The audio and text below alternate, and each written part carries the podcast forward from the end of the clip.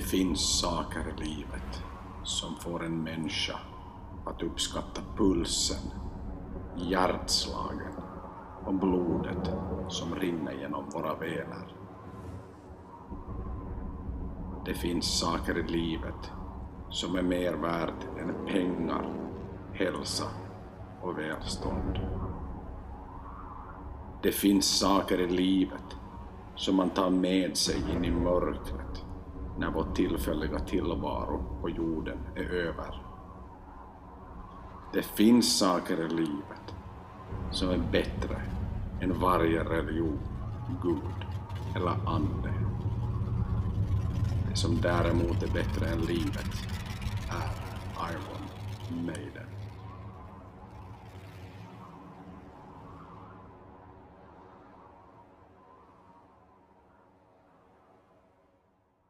Nu är det ju dags att prata musikvideo. Och Axel, det var ju jäkla matande med musikvideorna i tiden. Jag tror att vi gjorde möjligtvis fyra avsnitt om, om bara musikvideo. Mm, jag, jag tror det var fyra, ja. Jepp. Eh, och eh, ja, ni som har lyssnat på avsnitten, vi som har gjort de avsnitten, vet ju att det är en himla varierande kvalitet Mm. på Maidens musikvideon. Men det här är ju det här är något helt annat, Mhm. det vi har framför oss nu. Det, det här är liksom det, det här är något helt annat, så det förtjänar ett separat avsnitt faktiskt. Där vi liksom lite sådär skrapar på ytan och lite sådär hafsar oss igenom videon eh, in the past, men nu, nu jävlar ska det liksom, nu, nu ska vi mjölka. För här finns att mjölkas. Och, och här, här har vi ju känt med Axel att vi, vi kanske inte riktigt hanterar det här på egen hand utan vi har faktiskt tagit in lite experthjälp den här gången för att liksom få, få svar på myntets alla sidor för att analysera i, i våra mikroskop och våra manicker och hitta, hitta olika beståndsdelar som vi inte känner till. Så att varmt välkommen. Vi har, vi har Tage Rönnqvist. Han är filmskapare. Han är filmpoddare. Han är en regissör med så pass tunga titlar som The Betrayer, Beneath Righteous Acts 1 och 2 samt Vengeance i ryggsäcken. Så att Axel, vi välkomnar varmt Tage Rönnqvist från 8595 Podcast till Maiden-podden.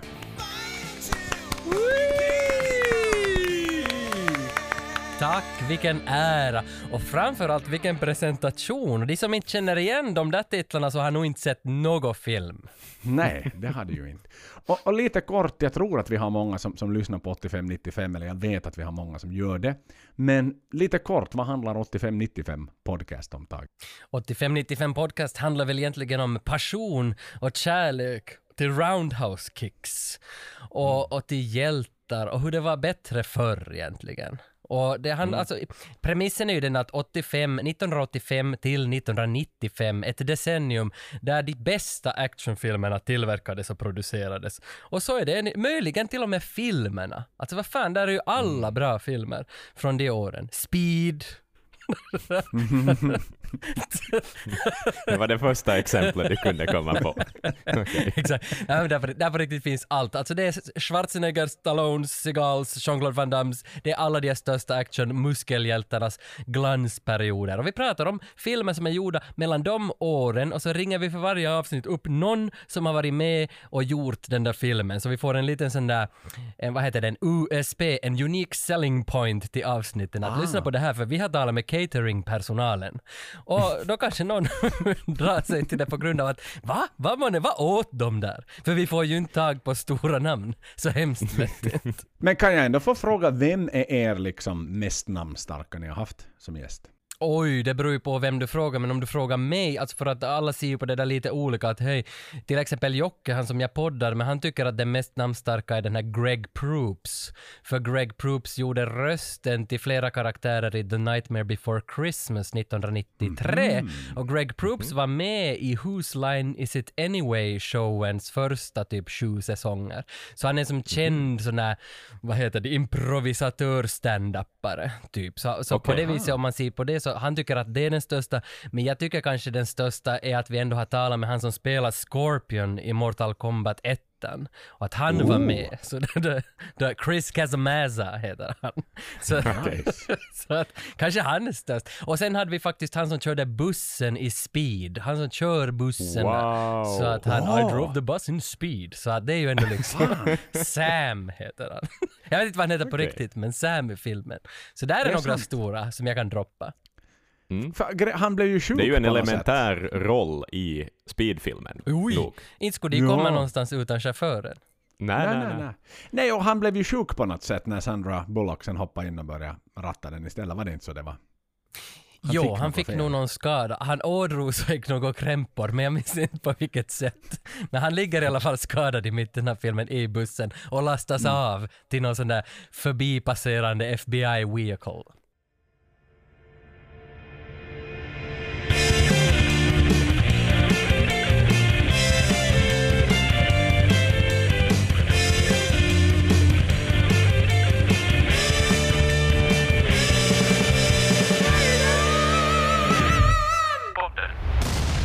Det, det är ju en sån match made in heaven någonstans. Om vi, om vi tittar på vad Maiden is all about. Liksom om man tittar på konvolut och så vidare. Och, och, och här har man ju verkligen liksom anammat någonstans storyn med, med Derek Riggs arv i en musikvideo. Mm. Och det är ju någonting man har liksom aldrig riktigt lyckats med tidigare. Man har haft världens coolaste konvolut och sen har man liksom kommit ut med musikvideo.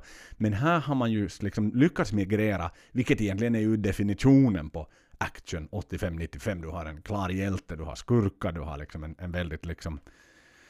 Det, det är så häftigt det här.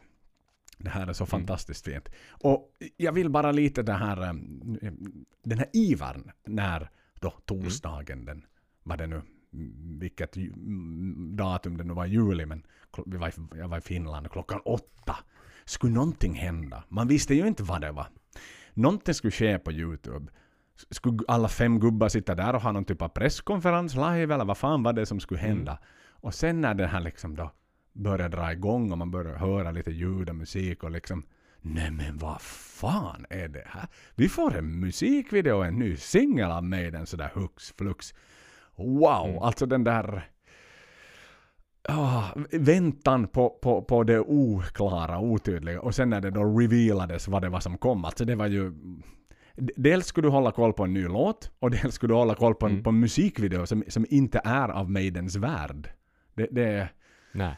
jäkla mycket att ta in den här gången. Hur var det, hur var det för er? När såg ni videon för första gången? Jag satt på balkongen ö, och tittade bara från min telefon. Det var mycket ruljans inne i, hemmet mitt. Så jag ö, satt mig på balkongen och inga hörlurar, ingenting, bara telefonens ljud. Och jag visste inte alls vad det skulle vara. Men, men, ö, men det var en glädjens stund. Ö, himla dåligt, för, liksom, jag kan vara lite besviken på att man inte liksom smällde upp det på något större och hade bra ljud och allt möjligt sånt här. Men, men jag var ändå så glad och nöjd så att det dög riktigt bra. Och mastern på den här låten är så pass bra så att den till och med lät helt okej genom telefon, eh, liksom, högtalaren. Det kändes ändå som att jag fick låten och, och, och sådär. Eh, och, och jag var ju det var ju något helt nytt. Varenda, det känns som att varenda frame är som en artwork i den här videon nästan. Och sådär. Men vi kommer in på det mera. Men himla nöjd. Tage, hur var det med dig? Var, satt du klistrad klockan åtta? Jo, jag var nog klistrad ganska länge, ända sedan jag fick det där datumet att nu är det någonting att börja vänta på. Man fick väl det där datumet typ en vecka innan eller liknande, att nu är det någonting som kommer att go down den här dagen. Så att eh, jag minns att jag såg att hej, nu dök det upp någonting, okej, det är en musikvideo. Yes, nu ska, vi, nu ska vi göra som vi gör med Mortal Kombat, den här nya Mortal Kombat som dök upp för några veckor sedan, att jag sparar på den. Jag tänker inte liksom förhasta mig och kasta mig över någonting som är nytt med den, utan nu tänker jag, för jag har två små barn som inte kan hålla käften för något i världen. Så jag tänker inte låta någon liksom från det övriga livet störa mig. Jag tänker göra som på den tiden när The Reincarnation of Benjamin Brieg dök upp första gången eller liknande. Så att jag liksom samlar mig länge, hela dagen. Bara sitter och låter bubbla, bubbla, bubbla, bubbla. Så tänkte jag, hur samlar man sig allra bäst och får upp endorfinerna, förutom choklad och alkohol? Jag får ut på en jättelång länk. Och sen när jag kom in från länken så var jag som så endorfinstinn och adrenalinstinn och då öppnade jag två långkeron och så satt jag mig ut på terrassen och upp med telefonen och världens bästa hörlurar för jag fick inte ut någon dator dit jag tog telefonen och bra ljud istället. Och så satt jag där superladdad och, så, och så genom den här videon, men bara en gång. En gång! Och sen stängde jag av och gick in tillbaka för att jag ville inte som heller liksom sitta och suga på knarket för länge utan jag tänkte att jag hinner i morgonsidan flera gånger igen. Så att det var mitt första intryck och jag var nog Alltså fy fan vad jag var nöjd. Alltså jag kunde ju inte förstå varken videon eller musiken på första utan det, det var ju mera bara liksom en, en puls som gick förbi och det här var, det här var Maiden på något sätt men inte förstod jag någonting. Jag gick bara in sen och förstod att det här satan, nu, nu har vi närmat oss livet. Nu kom jag på riktigt som bredvid någonting som man kan kalla för en puls att gå framåt. Så jag var, jag, var, jag, jag, alltså, jag, jag kan nog som suga till mig den där jävla känslan säkert resten av livet. För att det, jag minns ännu Reincarnation of Benjamin Brigg, hur jag liksom upplevde den låten första gången. Så nu, jag är nog, jag är supernöjd med vad jag fick se. Mm. Mm. Ja, vad kul, vad kul. Det ska ju tilläggas här i min korta presentation av Tage, men, men Tage är ju en stor Maiden-fan också. Tage är ju faktiskt den, den som jag har gått på flest Maiden-konserter tillsammans med.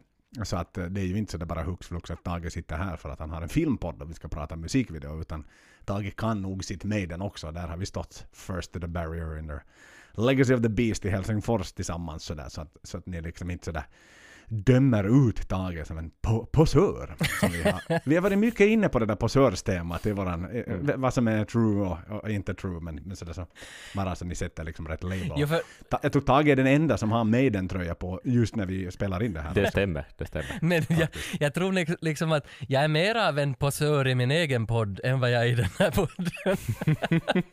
För att, men där, där vill jag ändå lägga till att, att Joel Brink, du är den som har introducerat mig till Maiden efter att du kom från dina utbytesår i Australien och hur det satan råkar att du har en tröja på dig från ett australiensiskt foodielag. Och det var från den resan du hade köpt Ja. det och där hade du köpt Best of the Beast-plattan minns jag. Och du introducerade några låtar till mig från Best of the Beast, alltså det här är då 2003, 2002 någon gång. Att för, för, då blev jag som frälst av Maiden för att före det så, för mig, mig Maiden före 2002 så var bara Fear of the Dark-skivan, att den hade jag och min bror lyssnat på. Men det var bara ett band i periferin. Men sen liksom när du för- började förklara för mig att det här är Maiden, det här, de har det här och efter det blev det Kroklund Record Shop i omgångar så får jag och köpte skiva efter skiva efter skiva efter skiva. Så att starten kommer nog från, från liksom Långviksgatan i Vörostan i Vasa och din Best of the Best skiva. Så jag tackar nog dig för att du har styrt mig liksom på rätt väg i livet. Mm. Vad roligt Tage. Finns Kråklund kvar idag? Nej, Nej den, den stängde ner för länge sedan. Kanske ganska kort därefter tror jag till och med. Kanske 2005, 2006 någon gång. Något sånt. Aj fan, det är så länge Mm. sedan. Vad tråkigt. Nej, för de hade ju eget eh, skivbolag väl? Jo, det hade de. De släppte några punkskivor och saker. Det var en otäck butik minns jag. Mm. Jag var rädd då jag gick in dit. Var, man hade respekt för det där stället. Det var så svart och det farliga män med långa hår och en massa oläsliga bandloggor på, på planscher överallt och liksom, ja, mm. Men var det inte så också att Kroklund Records var de som gav ut Klamydias skiva, det fantastiska bandet Klamydia? Och, kla- och då tror jag nästan att det var någon ur Klamydia som jobbade i butiken vad jag minns rätt. Ja, Och så hade jag, de jag en- tror att det var så. De hade en spiraltrappa som gick ner till, till källaren där det stod bara “staff only”. Så i den spiraltrappan fick jag aldrig gå in. Och det har nog harmat längs med livets korridorer, att vad fanns där i Kroklund Record Shops spiraltrappa?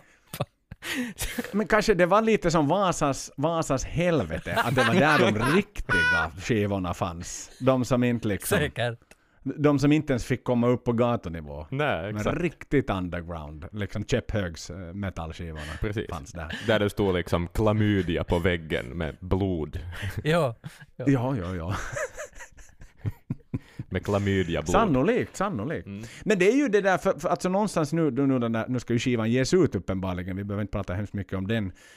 Men, men då blir det ju det, då, då vill man ju jättegärna stödja en sån här lokal, alltså Kråklund Records i det här fallet hade ju varit jäkla trevligt att gå och köpa den här skivan till i ett fysiskt format, om, som, som vinyl, om det är det du vill ha, eller CD till exempel. Att, att kanske inte här att beställa från, från de här giganterna nätbutikerna, för det blir som så opersonligt, Mm. kan jag tycka. Jo. Mm. Jag har nog förhandsbeställt min Senjutsu redan, men jag förhandsbeställde den från skivbutik X, Levykauppa X i Finland och det är väl ändå ganska sådär lokalt, en av de enda som säljer mycket skivor ännu i Finland. Så, så de tycker jag man kan för, förbeställa från och dessutom har de en sån tävling att om du förbeställer av, av, den av oss, oberoende vilket format, så är du med i en tävling där du kan vinna alla Maidens skivor som har getts ut på LP. Så det är ju, Oho. det är ju lite som att nu Oh. vill man ju vara med i den tävlingen nu. Självklart. Vad Det är trevligt. ju nice. Nu blev det här ett sponsorinlägg för Levykauppa X, men det var inte meningen. Nej men det är ett nytt segment vi har. Man får, man får plocka in max ett företag per avsnitt som man tycker är bra. som man ger sån här or organiskt influencer-grej till. Är Marketing without asking any questions first. Exakt. Så är det ja. ja. Och det kommer att bli viktigt ska ni veta i, liksom marknadssvängen sen när inte allt är köpt och allt inte behöver vara liksom labelt med sponsorinlägg utan när det på riktigt kommer in på den organiska banan, där är riktigt nice. Mm. Eh, lite, lite kort tillbaka om, om de här musikvideorna egentligen då som sagt fyra avsnitt så har vi malat på här om mer musikvideos med Maiden och ännu mer musikvideos med Maiden och fortsättningsvis ännu mer musikvideos med Maiden, allt vad de nu heter. Men jag, så här, egentligen har jag jag har för mig att vi, vi kunde då dela in Maidens musikvideos i två kategorier. Och en av kategorierna har en slags underkategori då. Och, och om vi då har de här två huvudkategorierna, du har då spelvideos, det vill säga soittovideon som de heter på eh, hemma i Finland. Och sen är det de här händelsevideos som jag har kallat dem då. Eh, och egentligen spelvideos, de har ju då två kategorier i sin tur. Då är det rena spelvideos, som då alltså är liksom Maiden på scen som spelar låten live fast den är playback. Liksom. och så, så gjordes det då kanske innan ett gig, men publiken fanns på plats. Sådär. Och sen så gick de ut och drack gurksaft och så kom de ut en halvtimme senare och körde igång med sin the real deal så att säga. Och sen har de ju de här spelvideos med inslag av gamla svartvita filmer, sådana som Steve gillar. Det är liksom den andra delen av spelvideos då. Sen har de ju de här händelsevideos då, som egentligen har en total avsaknad av Maiden. De fokuserar ju istället på olika storyn, eller rent av har de ett manus om allting har gått riktigt gått vägen och någon orkar satsa. Och där, där har vi till exempel Can I Play With Madness och Two Minutes to Midnight. Mm. Sen finns det ju då två undantag som jag kommer på ganska på rak arm, som inte riktigt passar in i ovan nämnda kategorier. Eh, Och den första är Flight of Icarus, eh, som Nico då som Mm. spelar någon typ av döden i, i det sjunde inseglet med det där hotellakanet, när han springer runt på klipporna där på Bahamas. Och, sen, och så spelas den in i en studio, liksom live- live-grejen är som på en studio, inte på en scen. Och sen har du Holy Smoke då, som gör den här, hela den här plojvideon egentligen på Steves gård.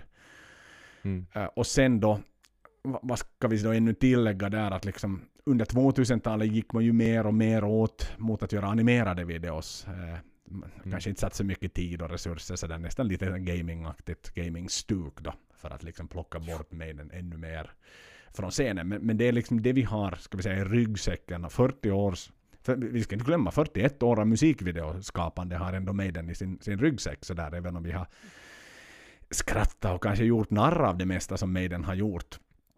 Men de fortsätter envist ge ut musikvideon. Och så där, Mm. om, om vi nu ställer en fråga till dig Tage idag i, i streamingplattformarnas värld och så vidare. Hu- Hur viktigt ser du du har, du har ju gjort jättemycket musikvideon också för, för ganska välkända finska artister, men hur viktigt är det idag att ännu göra en musikvideo? Jag tycker ju att det är superviktigt förstås, men för att jag vill att jag ska få göra dem. Men, men sådär i rent liksom ekonomiskt syfte och liksom bandfans syfte så tror jag nog det ändå är viktigt för att det glider ju nog lätt förbi liksom om man bara lanserar med en promobild av bandet och man lanserar med någon rolig kupp på Instagram stories som räcker 24 timmar.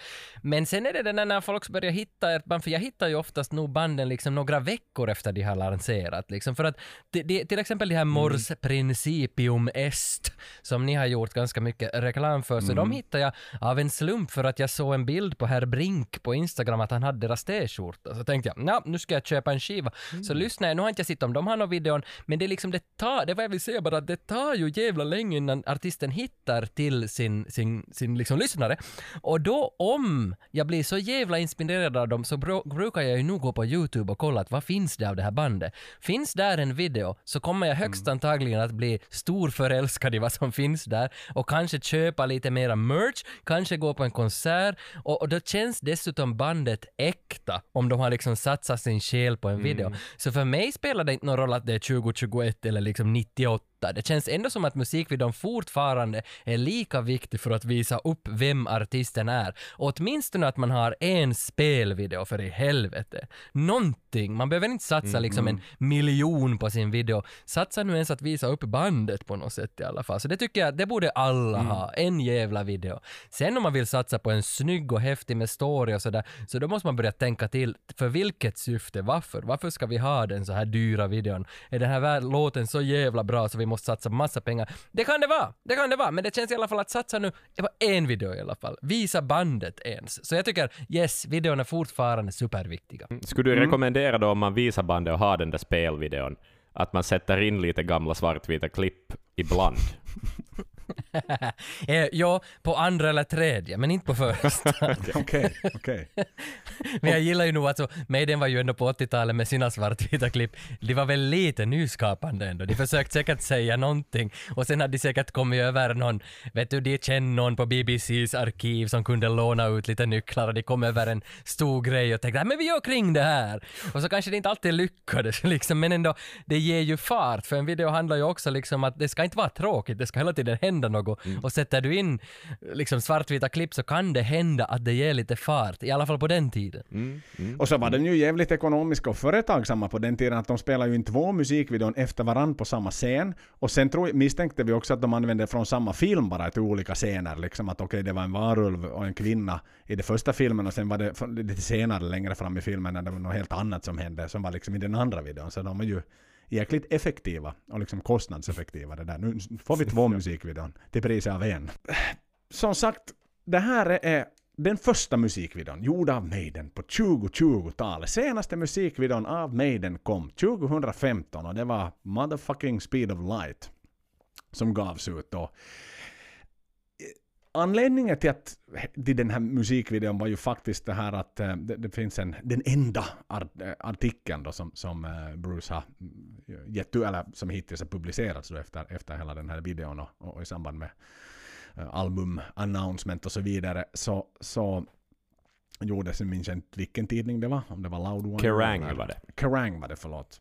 Mm. Eh, Som fick, fick då till en intervju med, med Bruce. Och han, han inspirerades ju vad han hade sett var den här Rammsteins Deutschland, alltså deras senaste musikvideo då från, från, från nyaste skivan, och var liksom helt blown away av det där. Att wow, vad provokativ den är, wow, vad liksom nyskapande och så vidare. Och han skickade den här länken till, till, till Rod och var liksom att hej, det, här- vi, nu måste vi göra någonting sånt här till vår första singel på nya skivan. Och, och, och det var liksom lite så det han då tog med sig att, och, och, och som vi ju känner till, vi kommer in på liksom människorna bakom videon ännu här lite längre fram, men, men han är ju i allra högsta grad delaktig i musikvideon och, och det där tror jag också är någonting, alltså jag misstänker så här, det, det här är, vi, vi har coronan att tacka för att vi har den här musikvideon. För att hade de bara varit ute och turnera så tror jag nog tyvärr att Maiden hade behandlat den här musikvideon lite på samma sätt som de alltid har behandlat alla andra musikvideor. Någonting som sker lite på sidan om och sen har de väl typ innan de har lanserat den fått se den lite snabbt och ja, ja, det är bra, den skrev under här så är den okej. Men, men det engagemanget Bruce-tiden hade nog knappast funnits om inte coronan hade varit. Att få göra, mm. liksom verkligen sitta ner och sätta sin själ i det. För, för det, det känns ju verkligen som att det är första gången Maiden sätter sin själ i någonting. När det kommer till musikvideo. Jo, jo, och bara det att Bruce kommer på en story liksom. Eh, Mm. för, för inte vet jag med, med de här liksom mera videospelsaktiga videorna vi har fått uh, sådär under modern tid. Så det känns nu som att de liksom har slängt i, iväg något till något produktionsbolag och så har de haft ganska långt makt över saker på något vis, Mm. utan att bandet egentligen kanske har styrt det så himla mycket. Men nu är det ju faktiskt sådär, det bygger på en story eh, som, som Bruce har gjort. Och, Mm. och det, det blir ju så mycket mer enhetligt. Och det blir, det, det, ja, det, det ger fansen så sjukt mycket också. Då det, Ja, nej, det är jävligt snyggt. Ja, verkligen, verkligen. Och, och också hur den är liksom så sammanflätad med låten. Eh, med texten och så vidare. Mm. Liksom det, bygger, det är ju verkligen en... Det här är en story. Det är inte bara bildmaterial som sätts ovanpå en låt, kan jag tycka. Nej. Uh, människorna då bakom själva, själva writings on the wall, det är ju inga liksom duvungar han har plockat med Inget sig S, Joel. Bruce. Inget S. Writing on the wall. Writing on the wall, förlåt mig. Mm. Eh, Om vi tittar lite så här människorna bakom den här filmen. Eh, Bruce då, som vi var inne på, har ju skrivit storyn. Sen har de en ganska, eh, Nikos Livsley heter han, eh, regissören. Han är kanske inte så jävla namnstark eh, på det sättet. Ganska, verkar vara ganska ung och har inte hunnit göra jättemycket. 2013 kom hans första liksom, gjorde han sin första regissörsdebut. Men börjar vi gå in på själva producentavdelningen och titta på de som är, som är exekutiva producenter så har vi här en kille som heter Andrew Gordon.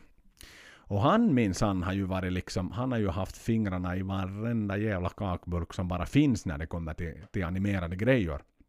Han har jobbat som, som eh, animatör, heter det väl då på Pixar under en extremt lång tid och bara för att droppa några titlar som han har varit involverad i är ju Superheroes 2, eh, Hitta Doris, Gode Dinosaurien, Toy Story, Monsters, eh, Toy Story 3, Wall-E, eh, Ratatouille, Cars, Hitta Nemo 2, Bugs Life och så vidare. Alltså egentligen alla de här, vad ska vi säga, kioskvältande eh, Pixar-filmerna som egentligen liksom som Disney Plus står och faller på idag.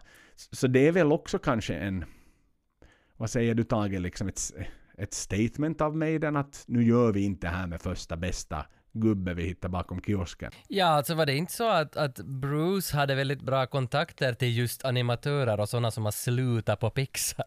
jag vet inte varför han har kontakt med de som har slutat, men han kände väl två, vad jag förstod, som hade liksom lagt av med Pixar och börjat frilansa lite och så slog de ihop sig.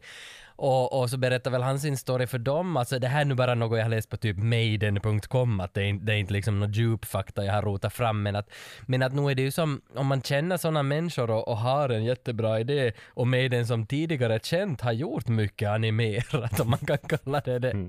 Men, att, men att det här är ju en ganska vettig väg att gå ändå. Liksom att, att, för du får fram jättemycket genom animerat och animerat går ju aldrig ur tiden. Liksom. Rita filmer är alltid liksom bra. Och och sen förstod jag också liksom att var inte typ 60 pers som har jobbat med den här videon i 13 länder. alltså det är som wow. ett sånt där jävla massivt projekt som man dragit igång. För, alltså, vi kan inte ens börja fundera på vad den har kostat den här videon, men jag är så glad att de en gång sätter tid. Och jag misstänker att de säkert har gjort en till med samma gäng som de kommer att droppa här inom en månad eller två. En singel 2, tror du på en singel 2? Jo, det förstår jag ju inte med Maiden sådär överlag med Maidens singlar. Alltså hade, inte, hade de inte fattat efter 40 år att det är ju alltid Steve Harris, de där sista tre låtarna, som är de som de borde ha satt som singel. Varför ska de alltid som peka fram en different world eller speed of light i början och sen tänka att det här vill ju kidsen ha. Nej, det vill vi inte ha. Vi vill ju ha den där liksom 15 minuters dängan animerad av Steve Harris något episka projekt. Så jag skulle hellre liksom, jag förstår inte varför ska man alltid ha den där snabba låten i början? Det känns lite alltid gammalt liksom. Att inte, inte, vi, om vi en gång sätter på den där Maiden-videon, inte, inte bryr ju Maiden sig ändå om de där TikTokarna som ser fyra sekunder och sen är attention spannen åt helvete. Va, varför skulle de bry sig om det? De vet ju att de har ett, ett fangage, liksom, en fangage, ett fangäng på liksom flera hundratusen som kommer att se på den här videon. Sätt dit en jävla 20 minuters video så är det där. Så det är nog, alltså Deutschland, det är intressant att du säger att, att just den där Deutschland har inspirerat Bruce. Då skulle man ju ha velat se en sån där lång jävla episk grej till en annan låt. Men, men jag är ändå fortfarande jävligt nöjd med både låten och videon. Mm. Ja, men det ligger nog något i det du säger faktiskt. Det, sen är jag bara rädd för att vi var inne på det med BBC's Archives, liksom. Ponera en sån här Passiondale. Alltså den hade varit horribel att se, liksom bara gammalt svartvitt material från gamla, gammal skit i engelska kanalen. Båtar som går upp och ner och, och Bruce flygplan förblässa liksom, är, är inget annat än Spitfire-plan som startar och landar på någon jävla gräsmatta. Ja, det, det är är så risky business. ja, det, det är fint. Det är liksom en historielektion i samma veva och så får du lite autentiskt videomaterial. Så kan liksom historielärarna i England vara sådär vi skulle prata om andra världskriget idag, men hörni, nu tar vi 13 minuter och ser på den här musikvideon så har vi liksom, kan vi hasta vidare till millenniumskiftet sen. liksom och börja prata om, Precis. om, om något annat i brittiska historien sen. När vi hade OS-sommar. På tal om flygplanskåthet och gammalt svartvitt material så lyssnade jag på en podd om eh, R101 och, och om, om liksom luftskepp överhuvudtaget. Och där fick jag lära mig att eh, stålet från R101 så användes för att bygga eh, liksom Zeppelin, alltså den här eh, Hindenburg. Så att Mm. det, det tyckte jag var lite kul. Som sådär. kraschade Och- i New Jersey om jag inte minns helt fel. Precis, precis. Ja. Så det var ju inte liksom särskilt... Jag vet inte, det var som att de bara tog en förbannelse och förde vidare det till nästa skepp. De begagnade För det. att... Ja, exakt. Det är inte exakt. spännande. Mm. Det- Men det är ju, nä- ja, det jäkligt. Det är ju nästan som man skulle ta några reservdelar från Estonia alltså. Det är ganska... Hur fan jo, tänkte precis. man? Det är superkonstigt. Ja, ja, det. Nåväl. Nåväl hörni. Uh, I dags datum har den 6,5 miljoner visningar på Youtube, The Writing on the Wall. Och vad säger ni mina herrar? Ska vi, ska vi liksom hugga in i storyn? Är det några first impressions vi vill sätta ut? Bara så här jag tänker på, jag vet inte, stuket den animerad på färger och så vidare. Sån här känslan, temperaturen. Ja, jag, jag såg just den att det släpps väl nu på, är det nu på Netflix inom några veckor så släpps ju den här eh, liksom nysimonetsade versionen, nykärade versionen av He-Man. Mhm. Och, och, och den trailern till He-Man så ser ju jävligt sexig ut. Liksom att yes, He-Man är tillbaka. Och det ser på riktigt ut som nu har någon lagt hjärta och själ i det. Och det här, uh, Writing on the Wall känns ju lite He-Man. Ja. Alltså, Det är något i är lite- frame-raten. Alltså att den är lite sådär som en gammal anime eller någonting. Att Jo, det är liksom, det, den är lite hackig på ett skönt sätt. Ja, ja, jag tror nog det är true till deras... De har nog haft många ölkvällar kring hur de ska lägga frameraten. det, det tror jag nog.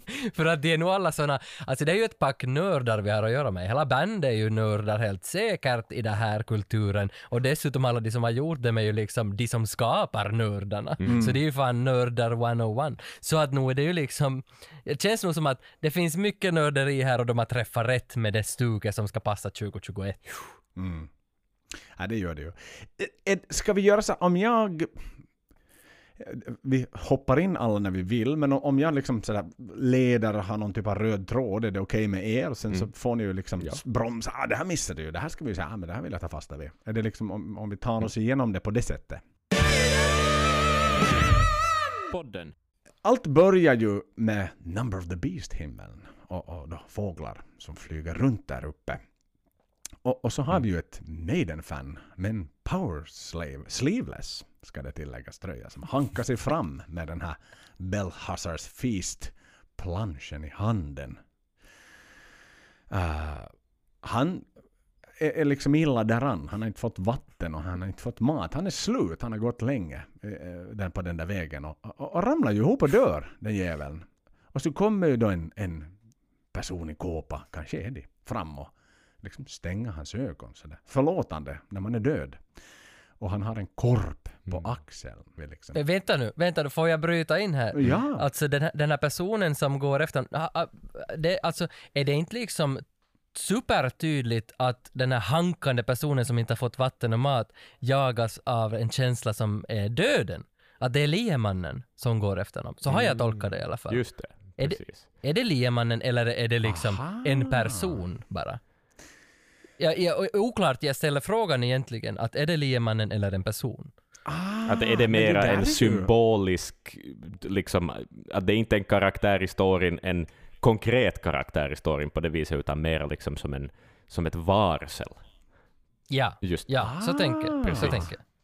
Mm, mm. Och det intressanta där med de första bilderna, jag vet inte om du kommer till det, men just att de där tre, fyra första bilderna så ser man ju också att eh, Ed Force One har kraschat där bredvid. Mhm. Att Ed Force One ligger i två delar där, som har Book of Souls-logon på, på liksom, på, på vingen, vad heter nu den där längst bak vingen. Ja. Det skulle ju tyda på att det här händer också liksom nu, 2020, om vi ska vara petnoga. Naja, men, men jag tänker att det är döden i alla fall. Ja, men- förvisso ja, och, och då kan vi ju någonstans komma in, för det finns ju jättemånga sådana här Eastern eggs på hela den här, eh, i den här videon. Jag tror det är 18 stycken, det, det är väl 22 stycken rent av. Det är ju Loudwire som också har liksom listat upp alla de här delarna när man har någon typ av eh, referat till jag tänker att vi kan gå igenom dem eh, kanske på slutet om vi vill. Eh, många känner ju Mm. till dem, redan. Men liksom det finns ju mycket sådana här påskägg helt enkelt med gamla kära saker som har med Maiden att göra. Mycket till deras arv naturligtvis och så vidare. Eh, Men ja, men det där var ju spännande för jag såg ju inte honom som döden. Jag trodde det var Eddie i min värld sådär. Ja, mycket möjligt. Han blir ju Eddie sen lite senare. Mm. Så nu kan det ju hända att det är Eddie hela tiden, men det känns som att för mig kan det också vara så där att Eddie reincarnatar dödens kropp för att göra ett, ett, ett dåd liksom. För att inte vet man väl riktigt ännu vad Eddie är. är. Nej, nej, nej, den- Nej, här han är, det väl bara en svart face, liksom. en skugga under en huva. Liksom, man vet inte vad det är. Mm. Ja, och lite så som vi pratade om i vårt senaste avsnitt när vi satt och tittade på Live After Death-konvolutet också sådär. Liksom, är han levande begravd plötsligt och kommer upp ur en grav liksom? Sådär, så att Eddie är död, Eddie är levande. Man, man vet inte liksom vilken typ av state of mind Eddie någonsin har befunnit sig i. Och det är väl det som gör honom så fascinerande egentligen som karaktär. Att han kan vara verkligen vad som Här helst. kan jag... Där kan jag också bara inflika att eh, mitt andra barn heter Eddie. Mhm. Och, och det, det är inte jag själv som namngav honom utan det var min sambo som sa hur skulle det vara med Eddie? Så tänkte jag, är hon på riktigt? Hon skojar inte. Hon, hon tittar fortfarande på mig med den frågan. Så sa jag att jo, det låter bra. Och det är först nu liksom långt efter som jag har sagt till henne att men du vet väl om att det här är liksom väsenet för hela min uppväxt som du har döpt barnet till. Så jag blir så glad varje gång jag tänker på det här att barnet är döpt efter den här herremannen. Åh, fantastiskt Mycket fint. Mycket fint.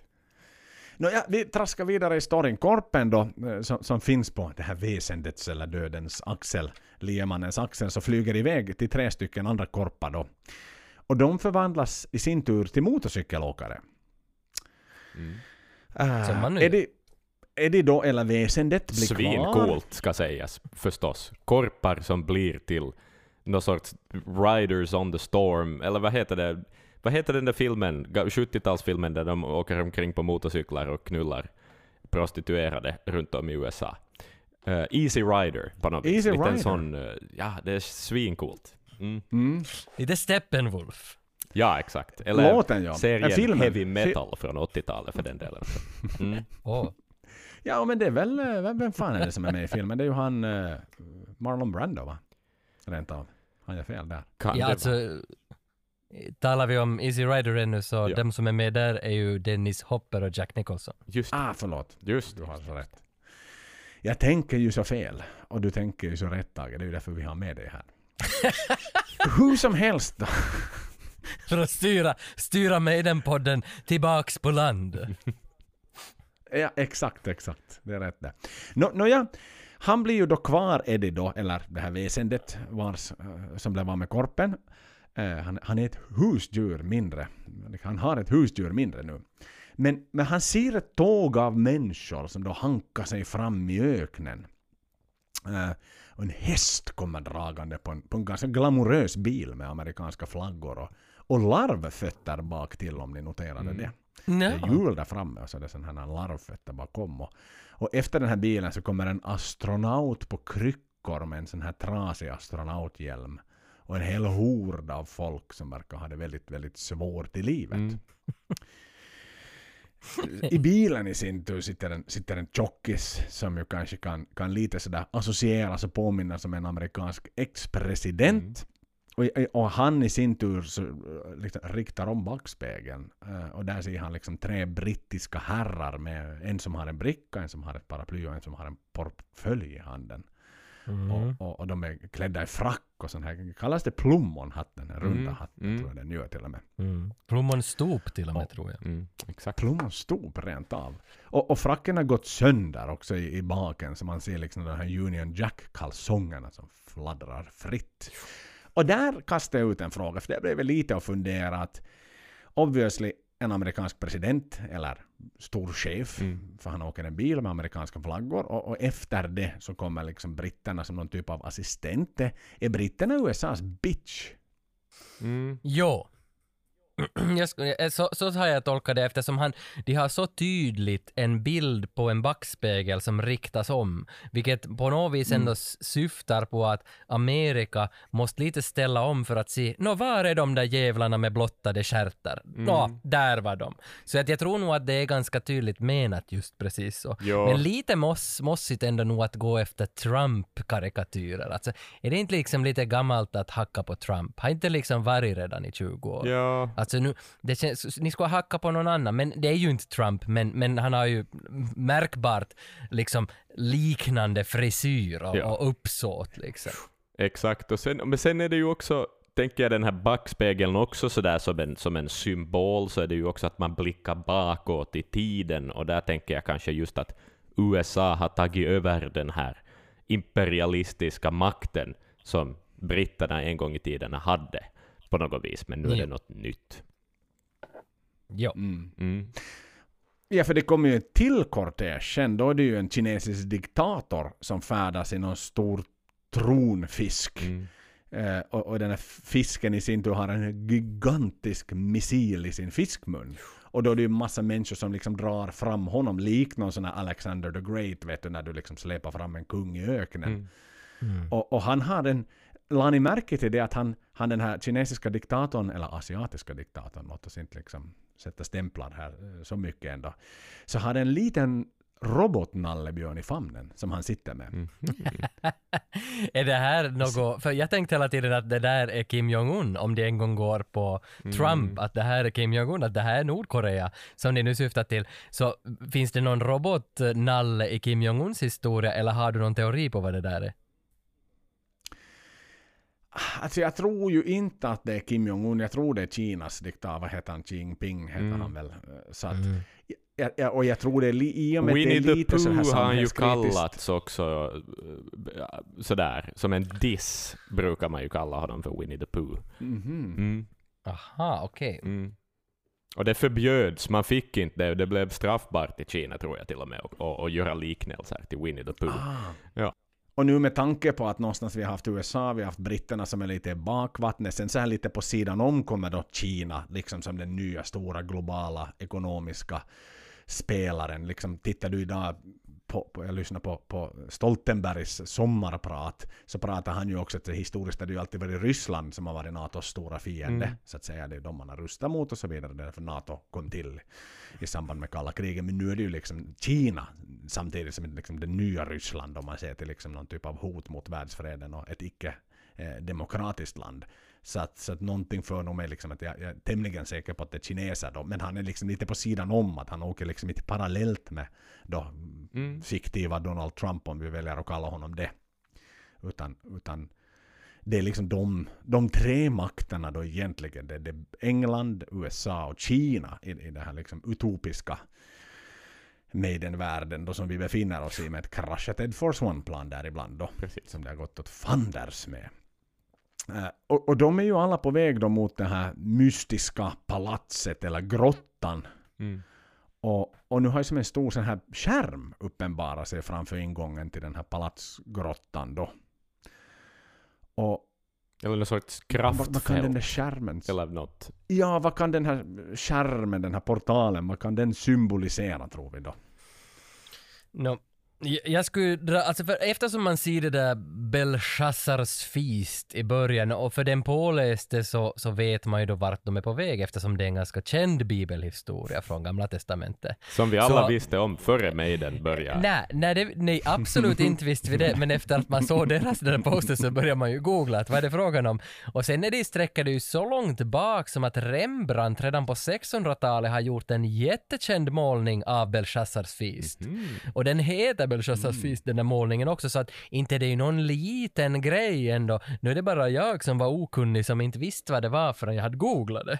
Men därför så tänker jag ju mig att, att, att, att att nu, nu är det girighetens epicentra som alla är på väg till. Att det är bara giribukar som är på väg in dit. Och där finns ett hologram i vägen. Är du inte girig så skjuter vi dig. Just Lite så, så antar jag att det kan vara tanken. Ah. Precis, precis ja. Borde vi här lite ta upp Belshazzars feast berättelsen då, eller sagan, eller vad vi nu ska kalla det. Det där segmentet i Bibeln, Mm. vad det är.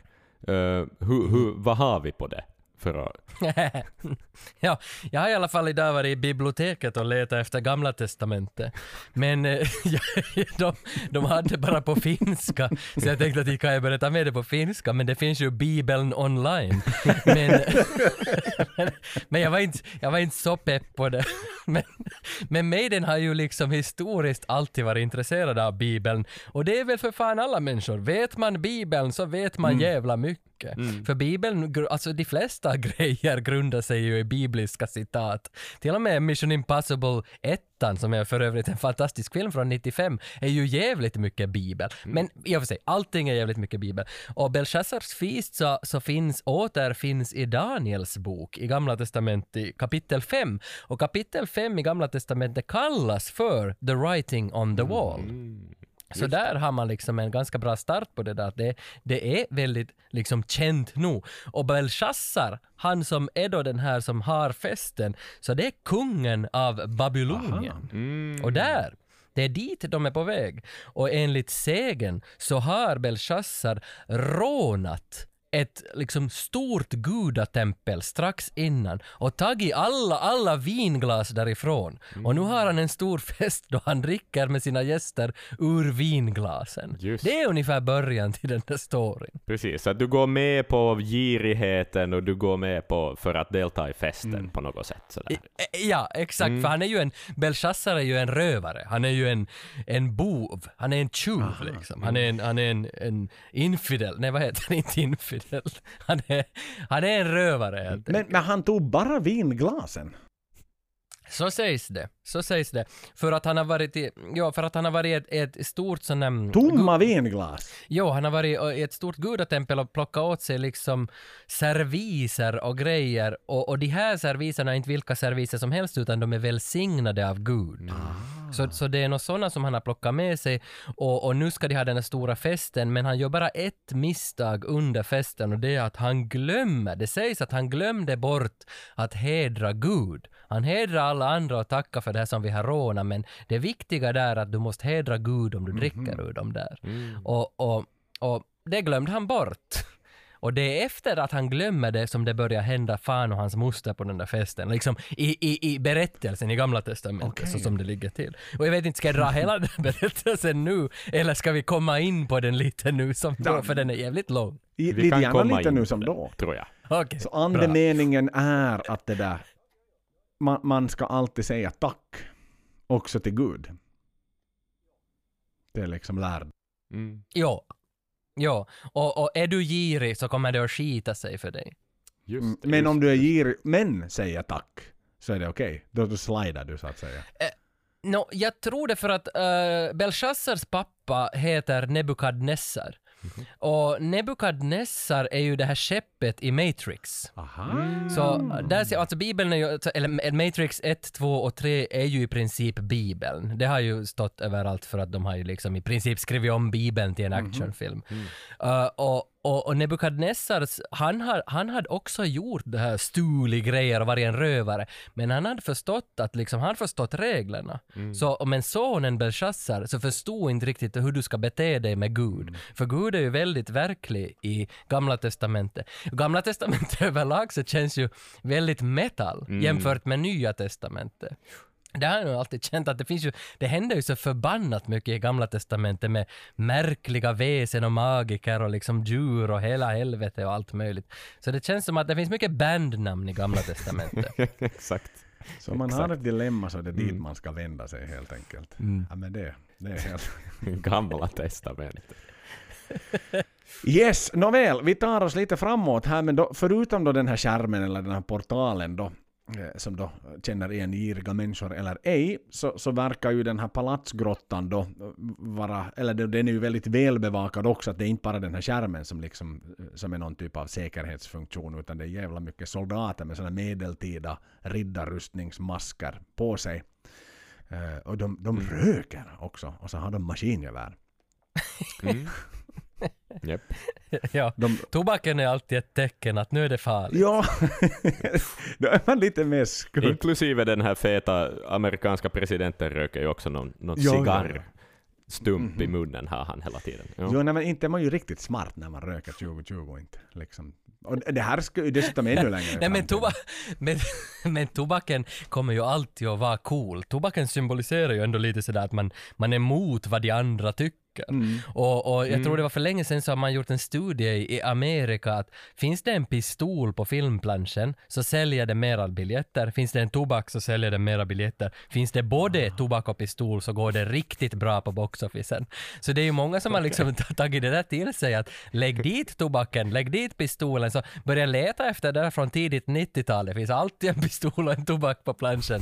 För det är någonting med att, att alla vill ju vara lite mot systemet, men vissa vågar inte. Vissa blir naprapater vet du, men vissa, vissa ska vara de där fucking fuck you-systemet. Och då, då är tobak coolt, för jag tycker nog tobak är jävla häftigt, ännu liksom. Fast jag har aldrig riktigt varit en rökare, men jag ser någon som röker så tänker jag alltid cool, cool, really cool.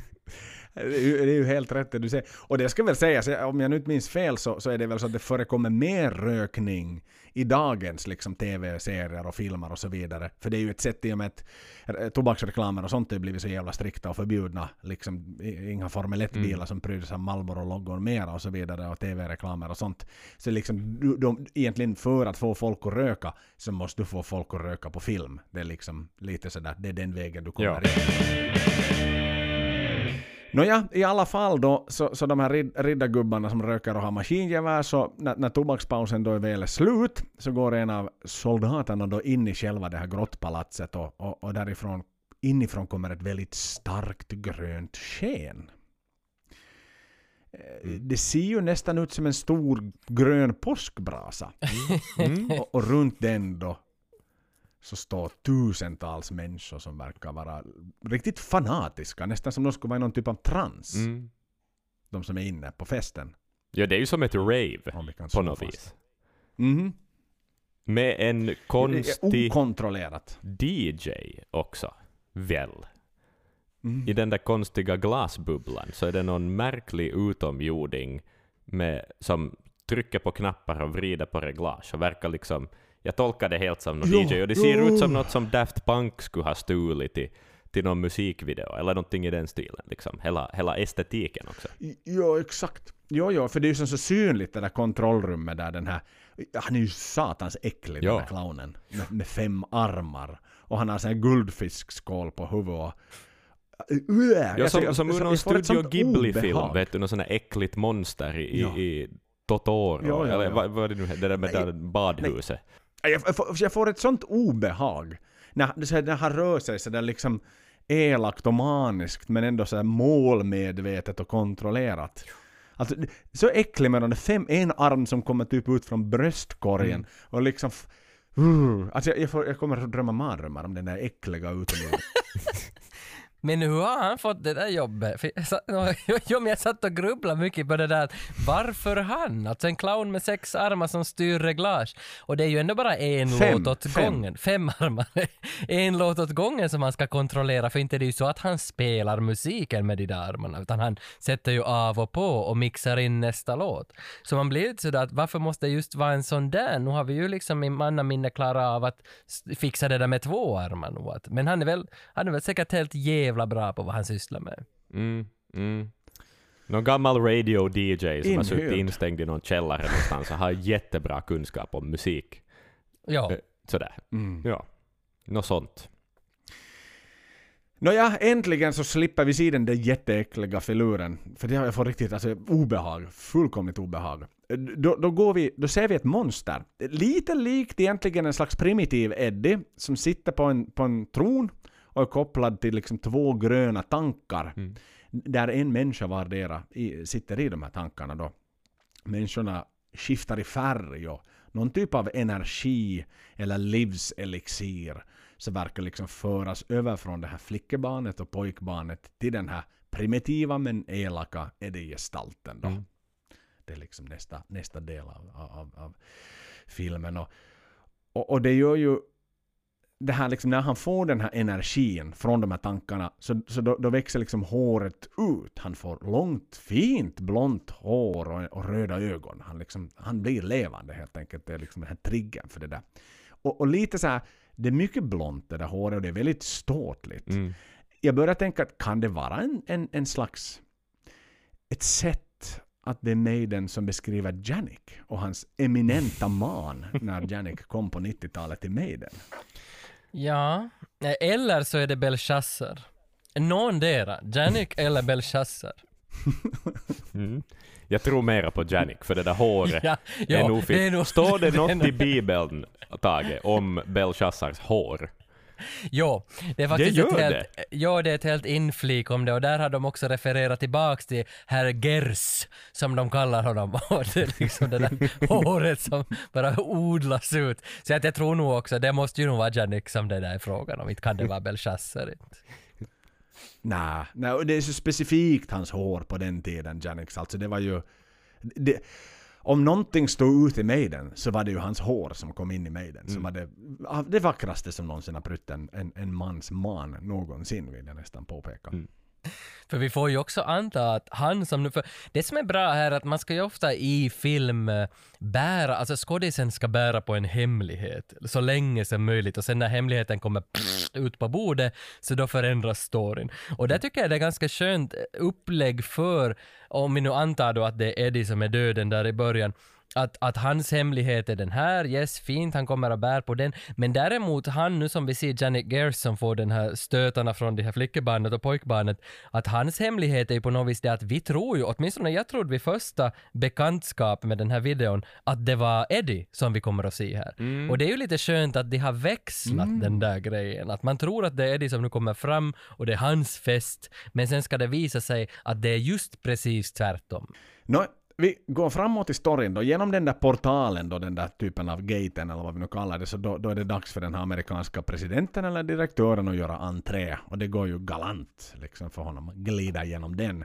Sen har vi ju en annan kille då som försöker på samma entré, men det går ju inte alls lika bra för honom. Ha- Han dör ju de facto när han liksom ska ta sig igenom den. Den blir liksom röd, den här portalen. Den går från grönt till rött.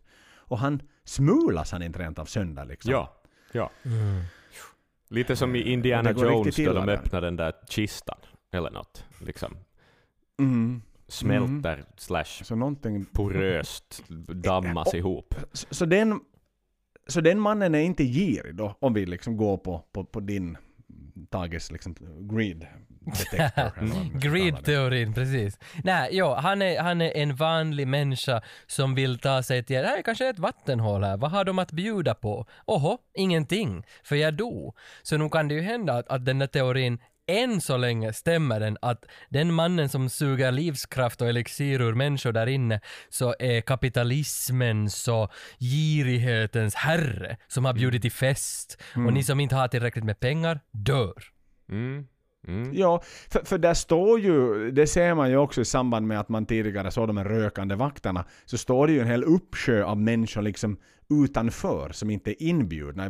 Däribland ett litet barn som står liksom och tittar som lite sådär åtråvärt. Hon vill ju vara där, för det är väl mat och vatten, lite som du var inne på, som sannolikt finns där inne, för det finns så mycket pengar och resurser innanför palatsets portar. Medan på utsidan så är allt bara förfallet, allt är ruiner och så vidare. Så de vill ju in dit, men de släpps inte in helt enkelt. Nej, nej. Mm. Ha- Eddie då blir ju arg när den här eh, ena människan då dör när han går genom portalen, så han liksom smäller ju den här staven i marken och det blir någon sån energivåg och det väcker ju de här soldaternas liksom uppmärksamhet och som kvickt börjar mobilisera i en jävla fart där liksom och, och liksom nu, nu är det någonting tillande päälle som man säger i finska i Finland. Situationen är på helt enkelt och, och och då tar han ju igen den här staven fram och så skjuter han ju med någon typ kraft, mani, liksom kraftvåg, skjuter han ju de här vakterna då. Mm. Och, och då är ju Eddie så att säga på insidan av den här portalen. Att han, han kom ju sig in då. Och, och när han då kommer in i den här salen så märker ju Unda-Eddie då, som jag väljer att kalla honom, eller Jan- Janet Gears i det här fallet, så märker ju att Eddie är där. Han märker liksom en närvaro av någon annan kraft. Mm. Och, och, och också i samband med det så är ju alla ju beväpnade där inne. Det kommer ju massa jävla pistoler som rycks fram liksom bara hux flux av olika va- valör och olika varierande sort då. Som liksom riktas mot Eddie. Och då är han ju lite, jag vet, det är ju lite mexican standoff då det liksom du har Janik och sen har du massa hantlangare med vapen som liksom vill, vill the real Eddie illa. Och då ramlar ju liksom, väljer ju Eddie att fälla sig ner i den här gröna eh, påskbrasan. Har vi några teorier på den där gröna... ha- Har vi annars några teorier på den där gröna påskbrasan? Att varför, var, var, varför brinner någonting sånt där? Alltså jag har inte riktigt... Det, det förstår jag inte. Och Varför är den grön och varför är Eddies krafter sen blåa? Nå, Att- grön är ju pengarnas färg, tänker jag. Ah, okej. Har det något med det att göra? Liksom, att det är, No, fan, nu kan det ju vara så enkelt nu att, Att det, är så- the color of money. Ja, precis. Mm. Nej, för, någon, för, för, för lite precis som du var inne på där taget, direkt han ramlar ner i den, så då, då liksom ändrar ju den färg, blir, den blir blå då plötsligt liksom. De, och den börjar ju åka åt alla jävla håll liksom. Du har en fin brasa som bara brinner uppåt. Sen, sen är det ungefär som det skulle komma liksom en storm från alla, alla håll och det bara blåser runt i salen. De här lågorna, det blir väldigt okontrollerad brasa så att säga. Och, och, och, och just där som den här real deal Eddie börjar ta form. Han går via Cyborg Eddie hela vägen in till Samurai Eddie. Och här, här vill jag passa på att lyfta fram den här transformationsdelen i samband med den här klassiska Maiden-melodin som just då råkar vara på spel. Liksom, den är så jävla cool, just den liksom när han byggs upp. Det, det, det är typ Robocop liksom. Pring, pring, pring. Det är liksom Terminate T-1000 när han liksom smälts ihop igen där i, efter att ha varit is och så vidare. Liksom, den där uppbyggnadsdelen, okej nu, f- nu får vi som vår nu får vi den äntligen, äntligen kommer räddaren här. Nu, nu håller Eddie på att bli stark som satan. Nu är han inte bara någon man med, med, med en kåpa på, utan nu, nu liksom kommer powern till honom. Ja. Och det är så jävla häftigt. Det, det, det är som det här slutmonstret äntligen vaknar till liv. Hjälten får äntligen den här fucking minigunnen som han har drömt om i hela filmen men aldrig lyckats få. Ja, ja, och där är det ju också liksom... Mm. Och där, är- den melodin är ju också kanske den mest maidenska eh, musikaliska elementet i hela låten, som annars är en ganska fräsch låt och sådär liksom. Det, det är något nytt, det det är en ny vibe. Men, men där blir den liksom... Den där mest maidenska delen blir också på något vis ledmotivet till Eddies liksom till Eddie i den här videon. Då, då Eddie på Mm. riktigt blir Eddie så, så tonges det också med en så i- jättemaidensk melodi och det, det funkar skitbra faktiskt. Det är mäktigt. Mm. Och på tal om just den där delen av låten så, jag, jag, jag är ingen gitarrspelare men jag är hemskt intresserad av sådana som kan spela gitarr så jag tittar väldigt ofta på sådana tutorials på nätet. Och internet eh, lät ju inte vänta länge på att släppa ut tutorials with solos av The Writing on the Wall, att det kom ju hur mycket som helst på en dag. Så jag satt ju och kollade på dem, de där pojkarna spelar där då och jammar och visar. Och sen såg jag en pianist från England som satt och lyssnade på den sån där Listen to this, vet du att det är ju ofta sådär att Listen to this opera singer eh, liksom criticizing Nightwish video. Precis, så ska ja. man sitta, och här var någon klassisk pianist Så här som ska lyssna på den här reaction videos. Exakt. Och han satt där och lyssnade och funderade, så hade han sin flygel framför sig och spelade efter ibland lite grann. Och så när den här delen kom så sa han Oh, classic Maiden, five sevens and seven sevens, yes. Och så spelade han det. Och jag funderar, vad betyder det? För Axel, du har väl ändå i bagage liksom en, en utbildning inom musikteori, att vad är det här five sevens och seven sevens som han säger att är classic Maiden? Jag skulle vilja veta det. No, det Maiden alltid gör i ackordföljder så är ju liksom att de hänger på, på grundackordet, på ettan som det kallas i, i skalan. Eh, Och sen går de via liksom, eh, vad blir det då, sexan och sjuan och tillbaka upp. Så att man liksom går den där liksom, det finns i alla Maiden-låtar, vågar jag nästan hävda. Och- och- Aha, så han var helt on point med han andra är, ord. jo, jo, det är classic Maiden. Det är, liksom, det, är det som gör Maiden till Maiden ganska ofta. Okej, vad roligt att höra. Okej, för det där kände jag inte alls till, men jag kände ju ändå när jag hörde att hej, Classic Maiden, men jag vet ju inte vad det grundar sig i, att jag tror det. Att jag har hört det förr, ja, men inte vad det beror på. Vad kul. Men du köpte kul. det med hu- hull och hår, pianistens liksom Classic Maiden. Du, du, Ja, ja, men han var, ju, han var ju en man i 60-årsåldern med vitt hår som såg lite sådär ny, alltså salongsberusad ut och sa Classic Maiden med dyra hörlurar och en flygel, vad fan. Man köpte ju allt vad han sa. Ja, det är rätt. Men det är Classic Maiden och det är ju någonstans precis som ni var inne på, liksom det här soundtracket till Eddie, när Eddie blir den nya Eddie som sen ska pryda kommande konvolut och så vidare. Att det, igen, sånt här är inte så jäkla genomtänkt liksom. Om du tittar, den här släpptes på en torsdag, skiv- skivannouncement kom på måndagen efter. Liksom bara det där att bygga upp, det är som så jäkla underbart liksom hela den här deras timeline och det här linjära. Nu lanserar vi Eddie här redan nu så att säga. Samurai Eddie liksom med sina tänder och så vidare. Och horribla tänder by the way. De är ju, uh, vad, vad de ser hemska ut. Eh, De jävla gaddarna som står. Och de långa naglarna liksom så riktiga jävla corpse naglar. Uh, det, det, man skulle inte liksom vilja hamna fast i hans klor där. Nåja, han, han får ju ett, ett virtuellt samurajsvärd kanske vi kan kalla det då som och det börjar ju skrämma den här eh, Janik Gears då, liksom ganska, han, han börjar se lite, lite smånervös ut där och liksom lite skakig och, och, och, och han använder ju det på Janik då. Som, som plötsligt liksom faller ihop och det börjar komma, han odlar horn i huvudet. Och han blir liksom en goat, är det a.k.a. the devil? Jo, jo. Helt det. hundra. Det det är Belzebub som kommer fram. Det är liksom den här, och som jag nu, alltså är Janiks verkliga jag som kommer fram på grund av att han har fått ett sån här, jag kallar det för ett, är det nu Cindersvärd? Alltså i Killer Instinct-spelet. Visst, det var någon som hette Cinder där, som var en guld, man gjord av guld som hade såna svärd som var digitala i princip. En lightsaber, vad ska man säga?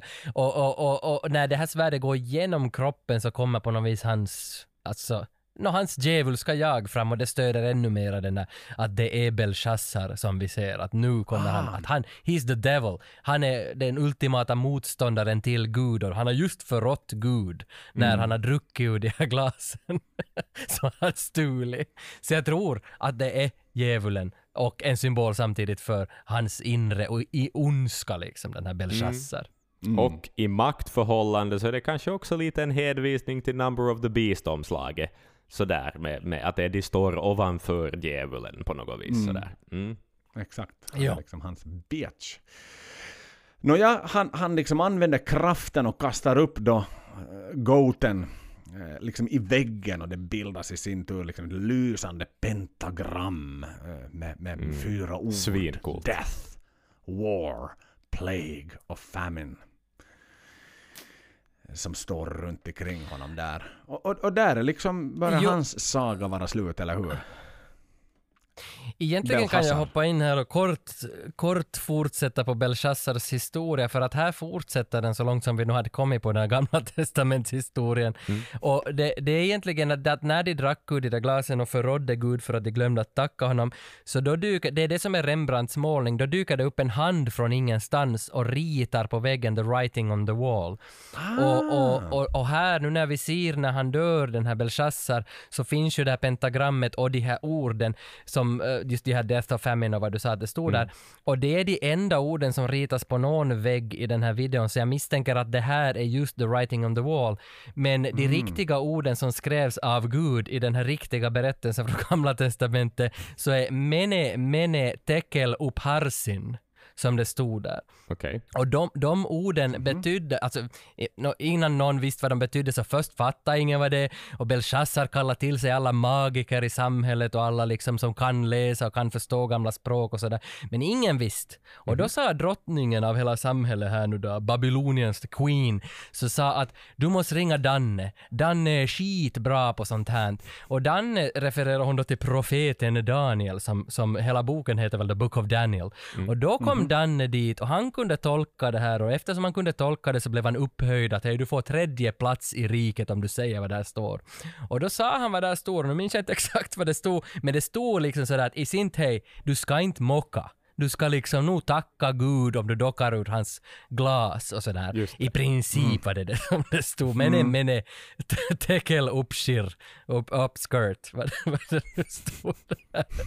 Men, men där, så därför, det där tror jag är den enda texten som är the writing on the wall. Men på Rembrandts målning så ser du en hand som skriver de här orden där. Mhm. Precis, precis, precis, precis. Men nu är det en maidensk tappning och så slänger man dit ett pentagram och så är det mycket häftigare och en bättre rewrite. Nej, för någonstans alltså de fyra orden då, död, krig, eh, plague är ju alltså Pest Eh, eller ja, pest pandemi. och så vidare. Och, och, och sen då hungersnöd, famine. Så att, och det är väl det som då illustrerar, är det det som illustrerar det som händer på utsidan av palatset? Eller inuti palatset Mm. så att säga. För, för hungersnöd är ju uppenbart, det fanns ju där. Det är ju ingen som har mat och dryck. Eh, Säkerligen mycket sjukdomar som sprider sig där. Krig. Eh, Allt var ju förfallet på utsidan. Och död går ju hand i hand med, med fattigdom och så vidare. Och, eh, Mm. matbrist. Jo. Så, så, så jag misstänker, min, min, min take är att det, det är liksom de fyra orden. Han straffas för att han inte han liksom tänkte för själviskt. Och därför blev det de fyra Mm. orden som blev liksom det som händer på utsidan som de här giriga människorna vägrar att inse på insidan av, av templet helt enkelt. Nåja, Exakt ja. Men sen undrar man, lite funderar man kring det där att, att eh, jag, vi har kommit fram till det där att girigheten ska straffas och det är hans girighet, det är Belshazzars girighet som ska straffas med de här orden för att det är han som har liksom gjort de här fyra orden och det är han som förstör allting. Men det var jag undrar där att, att det var ju Gud som då skulle straffa Belshazzar för samma kväll så dog Belshazzar i historien då på grund av att han hade gått emot allt det här. Men varför är det Eddie? Alltså varför ska Eddie nu liksom, är Eddie då Guds liksom på något vis bundsförvant eller ställer sig nu också Eddie ovanför Gud? Gamla testamentets Gud. Så att är, är det, varför ska Eddie straffa det här? Är han så god så han är liksom Gud för de som tycker att Gud är god liksom? Så det, det är lite oklart där men det, samtidigt så är det ju Maiden. Man slänger in Eddie när allting blir oklart och han kan ändå reda upp det på något vis. Mm. det är väl lite det där Mm. alltså den här diffusa med Eddie och, och jag har ju ändå, alltså min tolkning av Eddie nu under de åren jag har varit med i den fan är ju att, att han, han är ju en, alltså det går tillbaks till rötterna, han är en punk, han är en rebel, han är en anarkist. Men att han har någon typ av själ blir väl lite väl religiöst att använda. Men han, någon typ av moralisk kompass har nog Eddie. Att han, han vill inte bara liksom, vet du, döda allt och alla. Utan någon typ av rättvise patos finns det hos Eddie. Att liksom, Mm. det är min tolkning av Eddie, att han är inte totalt själlös och totalt liksom bara att alla ska dö, alla ska jämnas med marken oavsett om du är miljonär eller redan är fattig och håller på att dö. Utan det finns någon typ av sån här liten revolutionsideal i honom. Mm. Han kanske står på de svagas sida ändå på något Mm. sätt. Mm. Sådär. Mm. Det är, Det liksom- tror jag nog. Det, det är min bild i alla fall. Nå, in kommer ju sen, sen Eddies kompisar då, de här motorcykelgänget. Eh, och alla är ju en Eddie där också. Du har Dance of Death Eddie. Eh, du har Syborg Eddie och sen har du Powerslave Eddie. Som Mm. kommer liksom in då, som visar sig vara under den här manteln som de bär. Och, och första man som då dör är, är den här amerikanska presidenten, direktören. Sen skjuter Cyborg Eddie den där äckliga clownen så att den försvinner. Mm. Powerslave Eddie DJ. DJn dör. DJn dör. Som tur är. Det, det, det är den mest satisfying death hittills i den här videon. Och, sen har du då liksom Powerslave Eddie som släpper ut flugor ur munnen. Eller några humlor eller getingar ur munnen. Som i sin tur sticker de här brittiska herrarna i ansiktet. Och de blir så pass liksom svullnade så att de exploderar deras huvuden. Det är en ganska äcklig scen, du vet. De så svärm av getingar som bara sticker dem i ansiktet. Så det bara liksom blub, blub, blub, blub, kommer här stora bölder och vårtor och sen så exploderar huvudet. Jag blev himla glad av allt gore som det mitt i allt blev i den här videon. Det är liksom kort, men det är bra. Det Mm. är kreativt, det är snyggt, blodet är vackert och det, det finns liksom en Tarantino-kvalitet Mhm. i det här lilla våldet vi får. Verkligen. Det är satisfying death så- som kommer här. Och den kinesiska diktatorn så blir ju av med sin hjärna i samma veva också. Ja, det är snyggt. Det är snyggt. För våld och tobak är ändå sånt som säljer. No, no, no, uppenbarligen, uppenbarligen. Och sen, sen då, liksom, så, så är Frid, alltså de största eh, parlamentet så att säga, de, de här decision makers där inne är ju liksom borta ur spel nu. Nu finns det ingen kvar.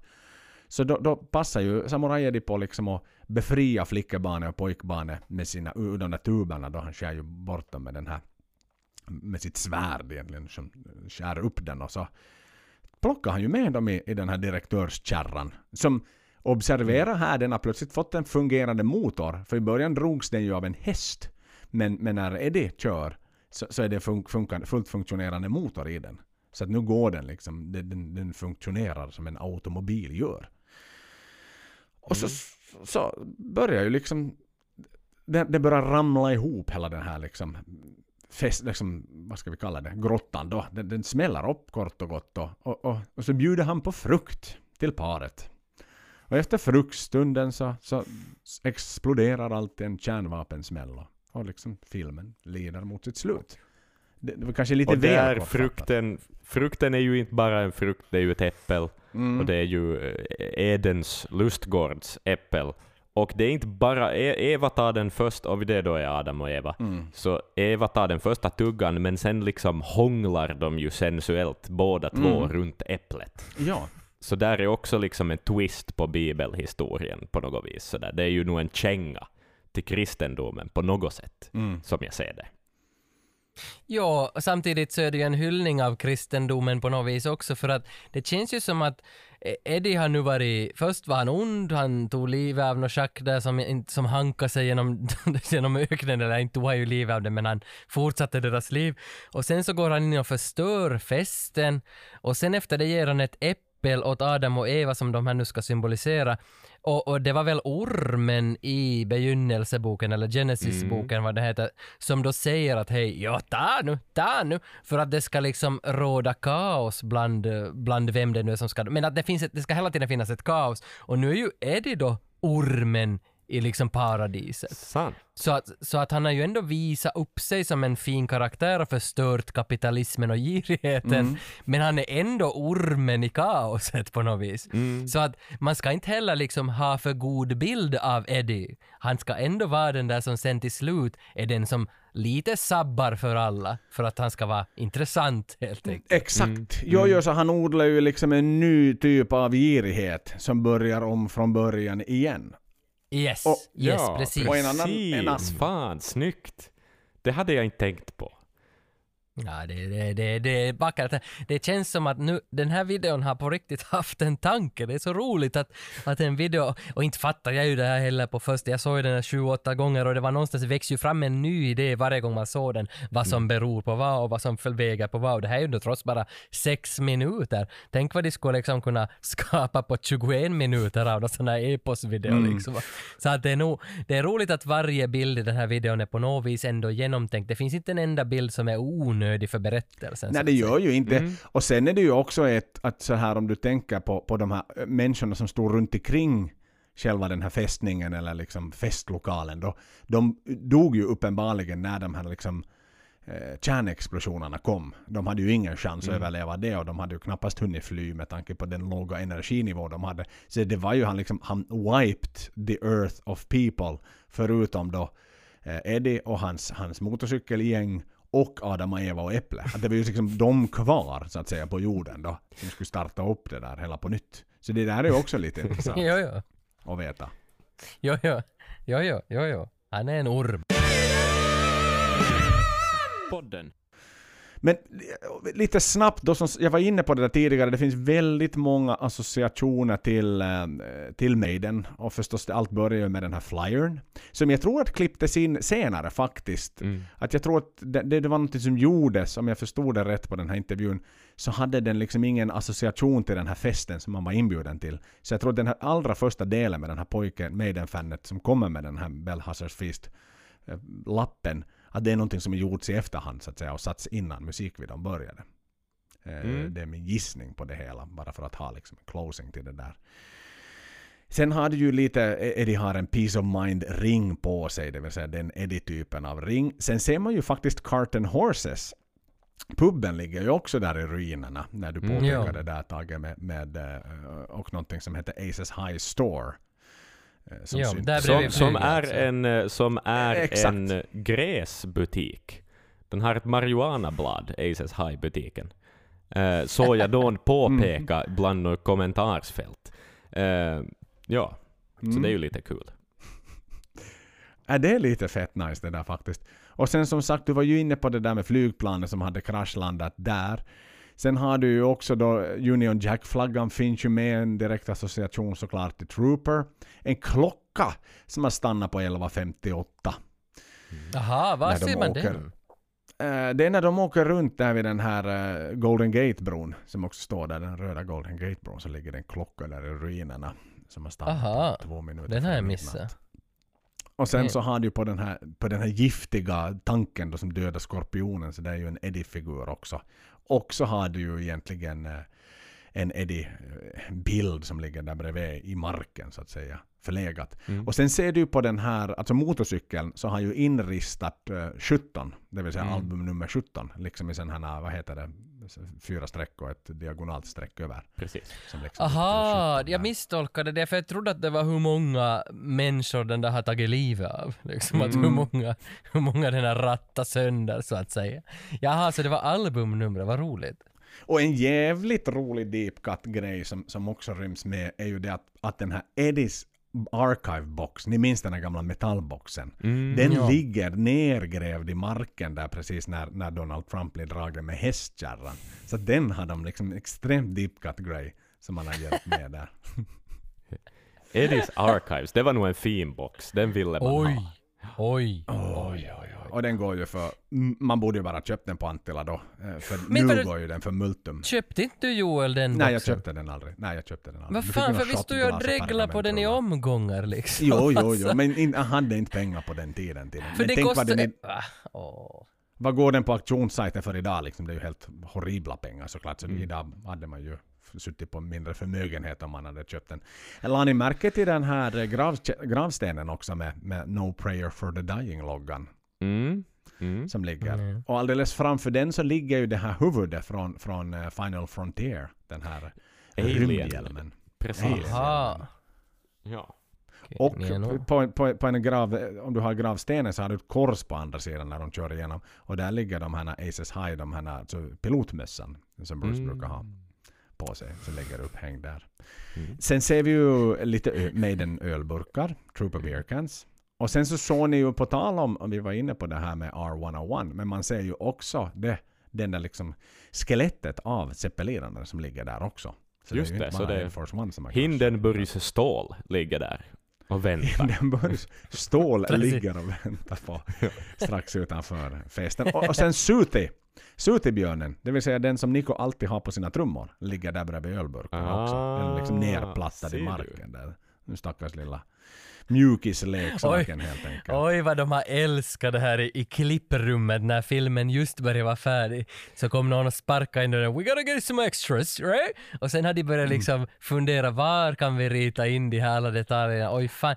Och det finns ju säkert mera. Du sa att du har hittat någon lista på någon som listar alla de här. Men det finns ju säkert ännu mera som, som bara bandet och klipparna och filmmakarna känner till. Som inte, inte någon vet, någon detalj i någon moln eller något liknande. "Hej, det där är min fru, det där är min gamla hund och sånt här. Ja, precis. precis. Exakt. Alltså allt det, hela videon är ju som Somewhere in Time-omslaget på något vis. Sådär. Det, det, Ja, är liksom, ja, ja. det, det är alla de här nördiga hänvisningarna och det är underbart. Det är Mm, fantastiskt. Ja, det, är, det är något sånt här Derek Rigsit över den här auran över den här eh, hela videon. Och sen är det ju också på den här presidentbilen då som de åker iväg i på slutet så hade ju plötsligt någon har liksom taggat med, med, med så här neonfärgad graffiti så har man ju skrivit in i romerska siffror 666. Precis. DCLXVI. Kanske det. Exakt, korrekt. korrekt. Så att det är lite sådana anekdoter och säkerligen finns det flera och säkerligen kommer det att plocka fram, liksom ploppa fram ännu flera än sådär. Men, men alltså bara någonstans Maidens musikvideo. Vi har fått så tyst på vårt hån över Mm. Maidens musikvideo nu. Det är ju helt... Jo. Varifrån kom det här? Alltså I, i, i 17 albumet, gubbarna är liksom mellan 60 och 70. Ja men nu, nu ska vi göra musikvideon Mm. som heter Duga, som folk på riktigt vill se. Och Mm. som, som det finns någon tanke med. Det är häftigt och det är så underbart att Maiden aldrig slutar jobba hårt. Vet du? Hur Mm. gamla de än har blivit och hur trygga och nöjda de skulle kunna vara, så orkar de ännu göra något nytt. Och, och satsa och göra något spännande. Och också till, förstås liksom om vi återkopplar till musiken, hur Först var jag såhär, här, vad är det här för låt? För då liksom på något vis rodeo-rock sådär i inledningen av låten och sådär att, att men ändå så solklart Maiden och det är som så snyggt hur de alltid lyckats, lyckas förnya sig men ändå hålla, till, hålla kärnan där den ska finnas på något vis. Och jag, jag, jag lyfter på hatten, på plommonstolpe lyfter jag på. För det här är nog fan alltså, eh, det är ju, alltså det är ju Maidens bästa musikvideo ever. Det är, Punkt. Inte kan någon annan säga någonting. Ingenting klår det här. Jag håller helt med. Vad är din take, Tage, på det här? Jag är glad. Jag är lycklig och glad att det liksom lossar, så att säga, till, till slut ändå. Men jag har nog ändå liksom, för det där, vad heter den, Widows of the Beast, Bests of the Beast videos, Visions vad heter den här? Visions of the Beast. Den DVDn har jag snurrat ganska mycket, men det börjar vara en tid sedan jag snurrade den. Men den videon som jag oftast återkom till och så och så om och om igen så var Holy Smoke. För att Holy Smoke är en så glad låt, jag tycker om den låten, jag tycker om hela skivan i princip, visst är det No Prayer for the Dying som den ligger på. En bra skiva tycker jag, men, men många kanske inte håller med mig. Men i alla fall så, det var ändå den videon jag gick tillbaka till. Men jag gick ju tillbaka till den där videon he- hemskt ofta på grund av den komiska effekten som de kanske ändå liksom lite ångrar. Och jag gick till den för att jag var glad och tyckte att det var roligt att de bjussiga, de är så bjussiga liksom. Men nu känns det som att de har gjort kvalitet och också försökt göra, för förr för i historien så har de ju nog försökt göra kvalitet många gånger, men det har inte alltid riktigt blivit sådär bra kvalitet. Men nu känns det som att nu är ni on point med 2021, nu är ni on point med både musiken och med videon och med hela upplägget, hur man liksom målar upp en hel historia av ett band i samma video och ändå lyckas berätta någonting nytt och får, får en podd i Sverige, Finland, att, att på något vis spy ut liksom analyser i två timmar om, om fem minuter. Så att nu har de ju ändå liksom lyckats med grejer nu. Jag, jag är nog väldigt lycklig av att de, de är där vad de är idag. Och jag har nu lyssnat på den här låten så mycket som jag säkert inte ens lyssnade på Reincarnation of Benjamin Brieg första veckan. För att jag gillar låten massor och videon ännu mer. Mm. Nej, jag kommer nog så här när plattan kommer så kommer jag faktiskt att hoppa över den här låten när den turen kommer på, på skivan Mm. så att säga. Mm. Och liksom vilja gå vidare till något nytt som jag kan. För den, den här börjar sitta i, i ryggraden mycket väl nu. Och, men, men igen, alltså det, det precis som ni är inne på, alltså äntligen. Det har tagit 40 år. Och det är väl Two Minutes to Midnight. Och det är väl eh, can, can I Play With Madness som är de två påkostade videorna. Ja. Men ändå har haft skådisar. De med manus. De med manus. Men, men de är ju fortsättningsvis liksom li, det är lite för överkomplicerad story. Jag menar, speciellt i Two Minutes, vi har en ganska intressant analys på den, för det är så jävla mycket konstiga saker som händer i den. Men, men, de, men den här händer det ju väldigt mycket i och det finns väldigt mycket detaljer och man, har- man har tagit med sig hela arvet av Maiden. Samtidigt som man igen har vågat göra något nytt. Alltså det, att man inte bara sådär, "Nå, inte kan vi ju nu 41 år senare göra en bra video, att vi måste ju som hålla samma nivå. Låt musiken vara världsklass så är videorna lite sådär mm, någonting som nu hamnar där som ingen egentligen ska titta på. Men, men att man, som, man har vågat tänka om. Och, Ja. och jag kommer tillbaka till det där att hade vi inte haft en corona, för det sa ju Bruce i den här intervjun, så hade ju skivan kommit ut för länge sedan. Och då tror jag aldrig att vi hade haft den här videon, utan då hade vi möjligtvis inte ens haft en video. För. Maiden spelar inte Soitto-videon mera. De är för gamla för att stå på en scen och låtsas jamma med, med en oikopplad bas. Det tycker de inte mera är roligt. Den, den enda gången de går upp på scenen de får uppträda på riktigt. Så att jag, jag skulle nästan säga att vi inte ens hade fått en video. Vi hade bara fått en singel i handen och sen hade det liksom That's it. Mm. Kom Mm. med skivan. Ja. Det tänkte jag också säga sådär att på det viset kul, ja, som, som Tage konstaterar, att vi har suttit här i, i två timmar och, och snackat och, och, och liksom lyft upp någon gammal bibelberättelse, men det här är ju precis Joel, vi träffade ju den här ena killen då på, på, på stadion i Los Angeles som hade blivit, börjat studera historia på grund av Maiden. Och det här är ju lite samma sak. Maiden fortsätter och allmänbilda oss. Om någon, vi- vi är många som är jättesekulära och inte orkar liksom röra Bibeln överhuvudtaget för att det inte intresserar, men det här är ju också ett bevis på att det kanske är allmänbildande att plocka fram lite bibelberättelser ibland. På något vis. sådär. Jo, jo, för inte handlar det ju väl om seku, alltså att vara sekulär handlar väl inte egentligen om att vara obildad. Nej, nej, ju- det gör, det nej, nej, ju- nej, det är ju inte det jag menar, men, men det jag säger är att mitt intresse för att öppna en bibel med avsaknad av gudstro, så är liksom tröskeln är ju högre om vi säger så. Sådär. Men Så, så, kan, så kan det vara, för jag minns i, i gymnasiet den intressantaste religionskursen var ju kurs två, för jag tror det är ganska liksom allmän att det är fortfarande kurs två som handlar om kyrkohistoria. Och den var ju den som många sa att är den värsta, den klarar man aldrig på första. Du måste, alltså, du måste gå med så många, Carita är helt horror. Och så höll man på så, men inte var det ju så inte, för att det var ju den intressantaste, för den var ju mest Maiden. För den handlar ju om alla skivor, liksom någon jävla låt fanns ju in i alla de historierna. Och det är ju jätteroligt att gräva ner sig när Steve har hittat på något nytt. Inte har han ju aldrig hittat på något nytt, han har ju bara tagit en gammal berättelse som någon har liksom tipsa honom om “How about Belshazzar, Steve?” och sen han så “What's that?”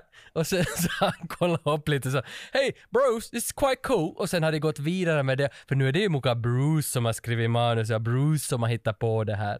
Och det kan mycket väl vara, men han har ju bara hittat på hur Eddie ska förstöra Belshazzars feast. Det. Så att det, för att jag tycker mycket om den här berättelsen och jag skulle inte heller ha lärt mig om Belshazzar om jag inte skulle ha vetat hela, eller inte sett den här videon och inte liksom följt med, jag har läst in mig på det här.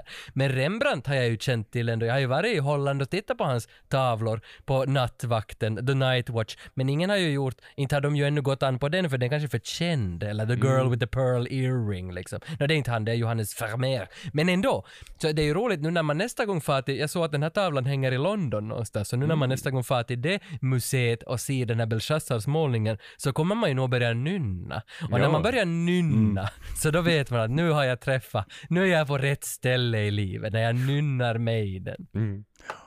Nej, jag håller helt med, håller helt med. Nej, det, de har ju verkligen, jag hör ju nästan Carita som säger Revelations! Carita Kroks, fin kvinna.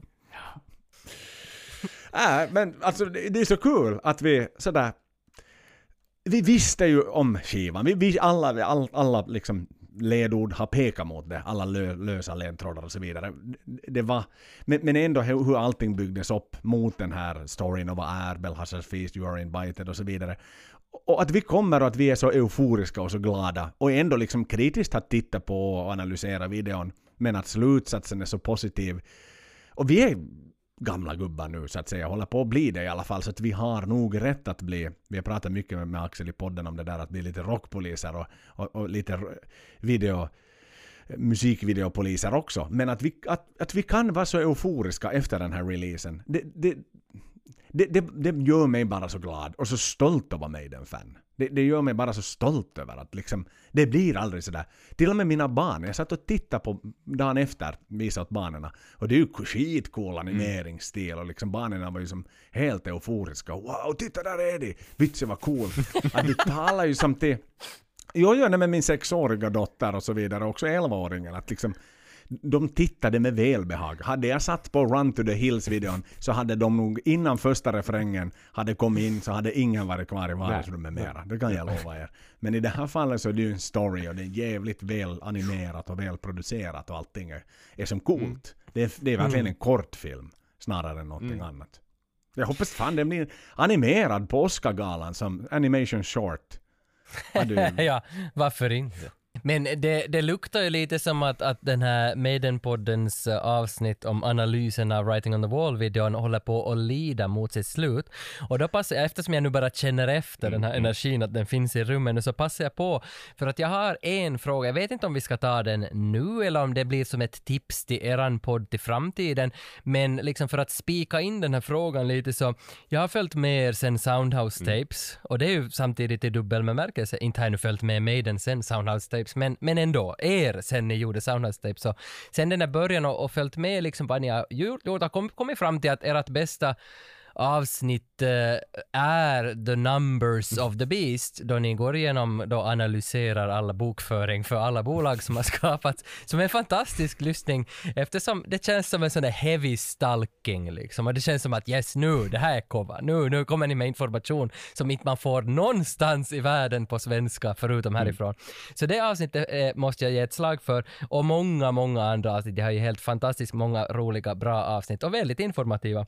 Ehm, och det som jag liksom märker att ni inte har tagit upp, som jag fick en fråga i en chattgrupp för någon vecka sedan, då vi diskuterar musik i filmer, är, är den frågan om Maidens musik, att i vilka filmer längs med åren har man köpt in någon Maiden-låt? Att vilka populärkultursfilmer, alltså de flesta vet kanske vet att Maiden har funnits med i något avsnitt av Beavis and Butthead, det har funnits med som introlåt i Fenomena av Dario Argento. På början på 80-talet, så var det Flash of the Blade som var med, och Number of the Beast har hörts i, vad fan var det, Number, the Numbers That Kills, något, någon sån där skräckfilm från början på 2000-talet. Men alltså, har ni mera intel på det? Kan ni liksom forska i det? Kan ni liksom ta reda på var finns Maiden i filmvärlden? För det är en fråga som jag, alltså, det, jag bara grubblar på. Det är inte någonting som jag tror att hela världen grubblar över. Men det är ett tips till podden och en fråga till podden som jag skulle önska att ni skulle liksom sålla vidare på. Maiden i film, var finns det? Det är en lysande idé, Inte någon dum idé. Eh, jag tror inte vi kan rycka det ur, ur liksom ärmen just nu. Det sitter vi inte på. Det här måste vi nog tugg, sätta tänderna i en, en tid, tror jag. Ja, och då menar jag ju inte heller bara Maidens musik i film, för jag vet ju att Bruce Dickinson har väl skrivit en film, han har varit med i någon film som heter typ no, The Alchemist eller något liknande. Alchemist. Alltså som hela det där, hela, vad sa du att den hette Joel? Eh, den heter väl The Alchemist? Nej, inte heter Okej, den The Alchemist, utan den heter... Nej, Alistair Crowley. Nu tappar jag namnet Ja. på vad fan den heter. Men Någon Crowley-grej. Men En oberoende liksom det här med hela med Maiden, liksom deras medlemmar, deras past medlemmar, var har de varit liksom bredvid filmbranschen på något sätt? Och hur har deras musik rört sig i filmen? För att, att det är så stört att Deadpool 1 och Deadpool 2 typ, som ändå gör ganska mycket spoofar med gamla låtar, yes, nu bränner vi igång en Offspring-låt här, och det är coolt för kidsen. Vad är det här för band? Varför är inte Run to the Hills liksom i Deadpool 3 Varför, varför använder inte Fast and the Furious 9 introt av Wasted Years när filmen börjar och sådär. Har det att göra med rättigheter? Är Maiden dyra att köpa till film eller vill inte Steve Harris att hans grejer ska finnas på några populärgrejer? Sånt här, alltså Maiden i film skulle vara jätteintresserad att höra, höra er snacka om. Mm. Jag kan dra här snabbt bara en kort tips som jag nu kommer på sådär nu, som du kanske inte kände till, säkert inte himla många som känner till. Det finns en eh, klassisk skatefilm från tidigt 2000-tal, sen 90-tal någon gång. Kommer inte ihåg vad det är, kan vara Black Label kanske, men det är en Jamie Thomas skatepart och eh, han skater till Hallowed Be Thy Name och det är en av de absolut bästa skatefilmssegment som jag någonsin har sett. Åh, Mm. det där är ju nice. Men bara sån här liksom trivia om musik och Maiden och spel och Maiden för den delen liksom. Men eh, nöjesindustrin och Maiden förutom musik, var finns de? Cool! Fi- filmen heter ju såklart Chemical Wedding. Just. Precis som låten och Chemical. Wedding. Precis, Ganska nu minns jag. förskräcklig film kan jag, kan jag lägga till om.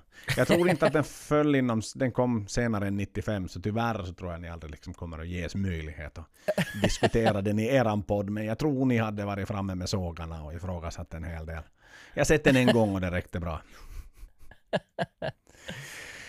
Tage Rönnqvist, det har varit ett sant nöje att förkovra sig i den här musikvideon och, och någonstans, bara för att komma tillbaka på det här, det är så ofantligt kul att se Maiden, inte bara på banan, utan de har uppfunnit en ny farkost som tar dem framåt. I'm all in for this. Har du något du vill ännu tacka Tage för Axel? Jag tycker du ska tack, tacksägelsedagen och det är det bibliskt här nu. Nej men jag tack, alltså du, du bara det att du, Glöm bara inte det att du tacka Gud. mindes namnet på, på folk i, i bibelberättelsen sådär självsäkert som du gjorde. Och jag såg Mm. här via din webcam att du tittade inte ens på en lapp då du sa det. Och jag ser ingen, liksom, det såg inte ut som att du tittade på en lapp. Så att tack för att du liksom har, du har tagit an dig det här uppdraget riktigt, riktigt seriöst. Mm. Jo, men det är ju som att ni är ju ändå en podd jag följer och när man får en fråga plötsligt att hej, vill du vara med? Så det är klart man liksom förbereder sig. Det poddande och liksom att vara fram i allmänheten handlar ju alltid om att ta med dig ett fucking manus och vet vad du tänker liksom gå in på. Kom inte oförberedd, för då kommer folk att höra vad är det här för en jävla clown? Utan man vill ju ändå liksom vara lite förberedd och läsa på och plus att jag innan ni frågade så var jag ju ändå som med i gamet och var väldigt förväntansfull över den här videon och kolla upp Belshazzars feast men när ni fick frågan att hej vill du vara med så läste jag ju ännu förstås grundligare in på vad är Belshazzars feast och, och sen så kommer det ju fastna åtminstone ännu ikväll. Sen kanske jag glömmer bort det. Och så kan man ju alltid lyssna på det igen. Det är ju det som är det fina. Det finns Jo, jo. kvar om man det. här alltså. Nej, jag vill tacka dig Tage och jag vill tacka Gud för att du var med i det här avsnittet. Ja, precis. Tack Gud, tack Gud att vi får vara här och vi får liksom uppleva de här stunderna tillsammans. Utan att Eddie Och vi kommer vill- in och ska- förstör allting. Ja, vi ska, Ja. jag har druckit lite Lonkero här under kvällens gång och jag har dessutom kommit ihåg att hedra min Lonkero till Gud.